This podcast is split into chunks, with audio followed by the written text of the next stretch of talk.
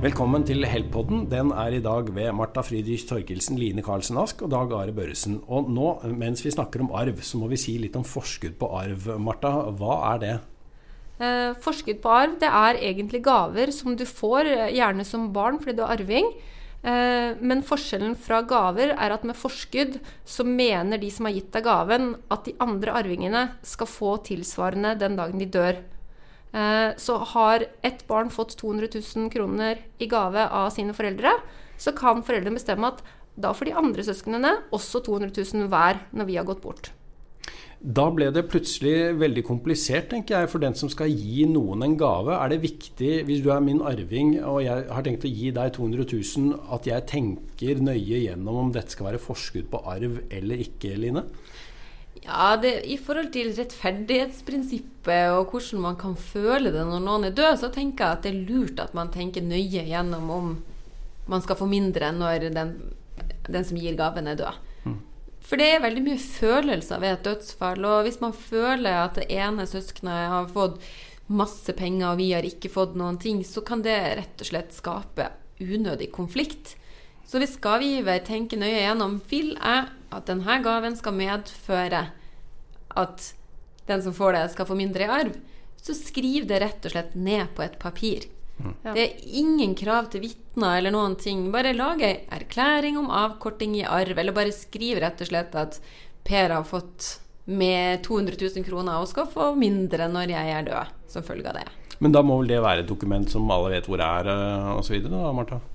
Ja, det er jo en fordel. Eh, det holder jo at den avtalen eh, eller den eh, erklæringen er muntlig. Men ofte så vil jo vi anbefale at alle barn er involvert i det foreldrene gjør, selv om det ikke er noe krav. Fordi én ting, da vet alle hvorfor en gave er gitt, og alle kan oppleve det senere som mer rettferdig. Og alle har et kopisett hver av kanskje et dokument som kan bevise hva foreldrene har ment. Ehm, for ofte så er det som Line sa, foreldrene har på en måte ikke hatt noe reflektert forhold til eh, skal dette kompenseres etterpå eller ikke. Eh, og så krangler da barna om de gavene som har vært gitt i livet, og hvordan dette skal gjøres opp eh, når foreldrene har gått bort. Ja, og det, det, som er litt viktig, det er jo også at før, før i tida, for ikke så veldig mange år siden, så hadde vi arveavgift. Og da måtte man melde inn gaver til skatteetaten. Og da, da hadde man et sånt skjema som sa 'forskudd på arv åkke som'. Så da ble liksom alle gaver over en viss verdi ansett som forskudd på arv av skatteetaten. Mm. Og fordi det, det, gjorde det, da, så ble det litt, litt, mer automatikk i at man tenkte at men da skal du få mindre arv når mamma og pappa er døde. Mens i dag så har vi ikke arveavgift. Vi har heller ikke noe skjema som skal fylles inn. Så da har vi ikke sikra bevis på noen måte, og man har kanskje fått et mindre reflektert forhold til om det er gave eller forskudd på arv som gis. Men Er det mange gavegivere som uh, ikke er presise nok uh, med hensyn til om dette skal være forskudd på arv eller ikke? Så, så med andre ord skaper dette konflikter? Det skaper veldig mange konflikter. Eh, og jeg tror egentlig ikke at det er så vanskelig for giver å vite om de ønsker det som forsket på arv eller ikke. Jeg tror de bare ikke tenker over det. Eh, noen ganger så ønsker man bare å hjelpe barna med studielånet. Og tenker at de andre har fått hjelp til en bil, og så tenker man at dette har vært rettferdig. Barna ser det jo ikke nødvendigvis sånn. Eh, sånn at det er det sentrale er vel ikke hvor vanskelig det er å bestemme om det er gave eller forsket på arv, men å faktisk gi uttrykk for hva man mener, eh, og hvordan dette skal gjøres opp. Og Derfor så tenker jeg alltid ta med barna i alle drøftelser. Si til alle sammen hvorfor vi har gitt gave til den ene og ikke den andre, eller forsket arv til den ene, men ikke den andre. Jeg tror veldig mye ville vært unngått da. Mm. Men eh, det kan jo være mange mange år siden én fikk eh, en gave som var ment som forskudd på arv. Hva er verdigrunnlaget her? Hvordan beregner man egentlig hva størrelsen er kanskje 20 år etter? Mm. Ja, Det er et veldig godt spørsmål som vi opplever at veldig få har tenkt over. Eh, og da er det jo gavegiver, den som gir gaven, bestemmer. Så man kan bestemme at nå har mitt barn Kari fått 100 000 til å kjøpe seg en leilighet. Når jeg dør, så skal dette beløpet på 100 000 oppjusteres eh, i henhold til konsumprisindeksen, f.eks. Eller man kan bare skrive at når jeg dør, så skal eh, hun avkortes med kroner 100 000. Uten at du tar med noe oppjustering og sånn. Men det er jo ikke noe tvil om at uh, det beløpet på 100 000 mest sannsynlig vil ha steget i årenes løp fordi det er investert i en bolig, og det vil jo da si at det barnet som fikk 100 000, har på et vis fått mer. Men det er nå en rett som eh, foreldre har. De kunne jo ha valgt å ikke bestemme at det skulle avkortes i arverådet, og heller gitt 100 000 helt ut som gave. Mm. Så det er giver som bestemmer.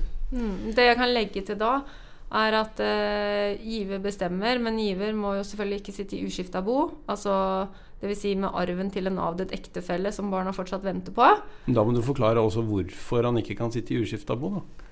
Eh, jo, altså ektefellen kan sitte i uskifta bo, men da sitter du med arven til en avdøde ektefelle til låns, på en måte.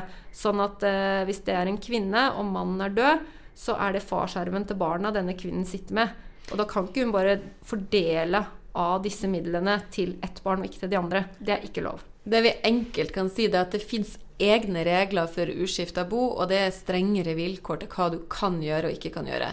Så vårt råd er sitter du i uskifta bo og ønsker å gi forskudd på arv, så kontakter du en advokat eller noen som kan eh, rådgi deg. For det er dessverre en del ting du ikke kan gjøre når du sitter i uskifta bo. Mm. For å, ja. ja. Eh, og så eh, tenkte jeg å nevne at det er jo ikke bare penger foreldre gir. Eh, de konfliktene vi ser flest av, er faktisk når foreldre har gitt bort tomter eller fast eiendom.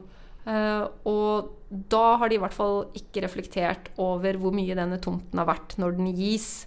De kan gjerne tenke seg at dette skal godtgjøres etter deres bortgang, og at de andre skal få like mye.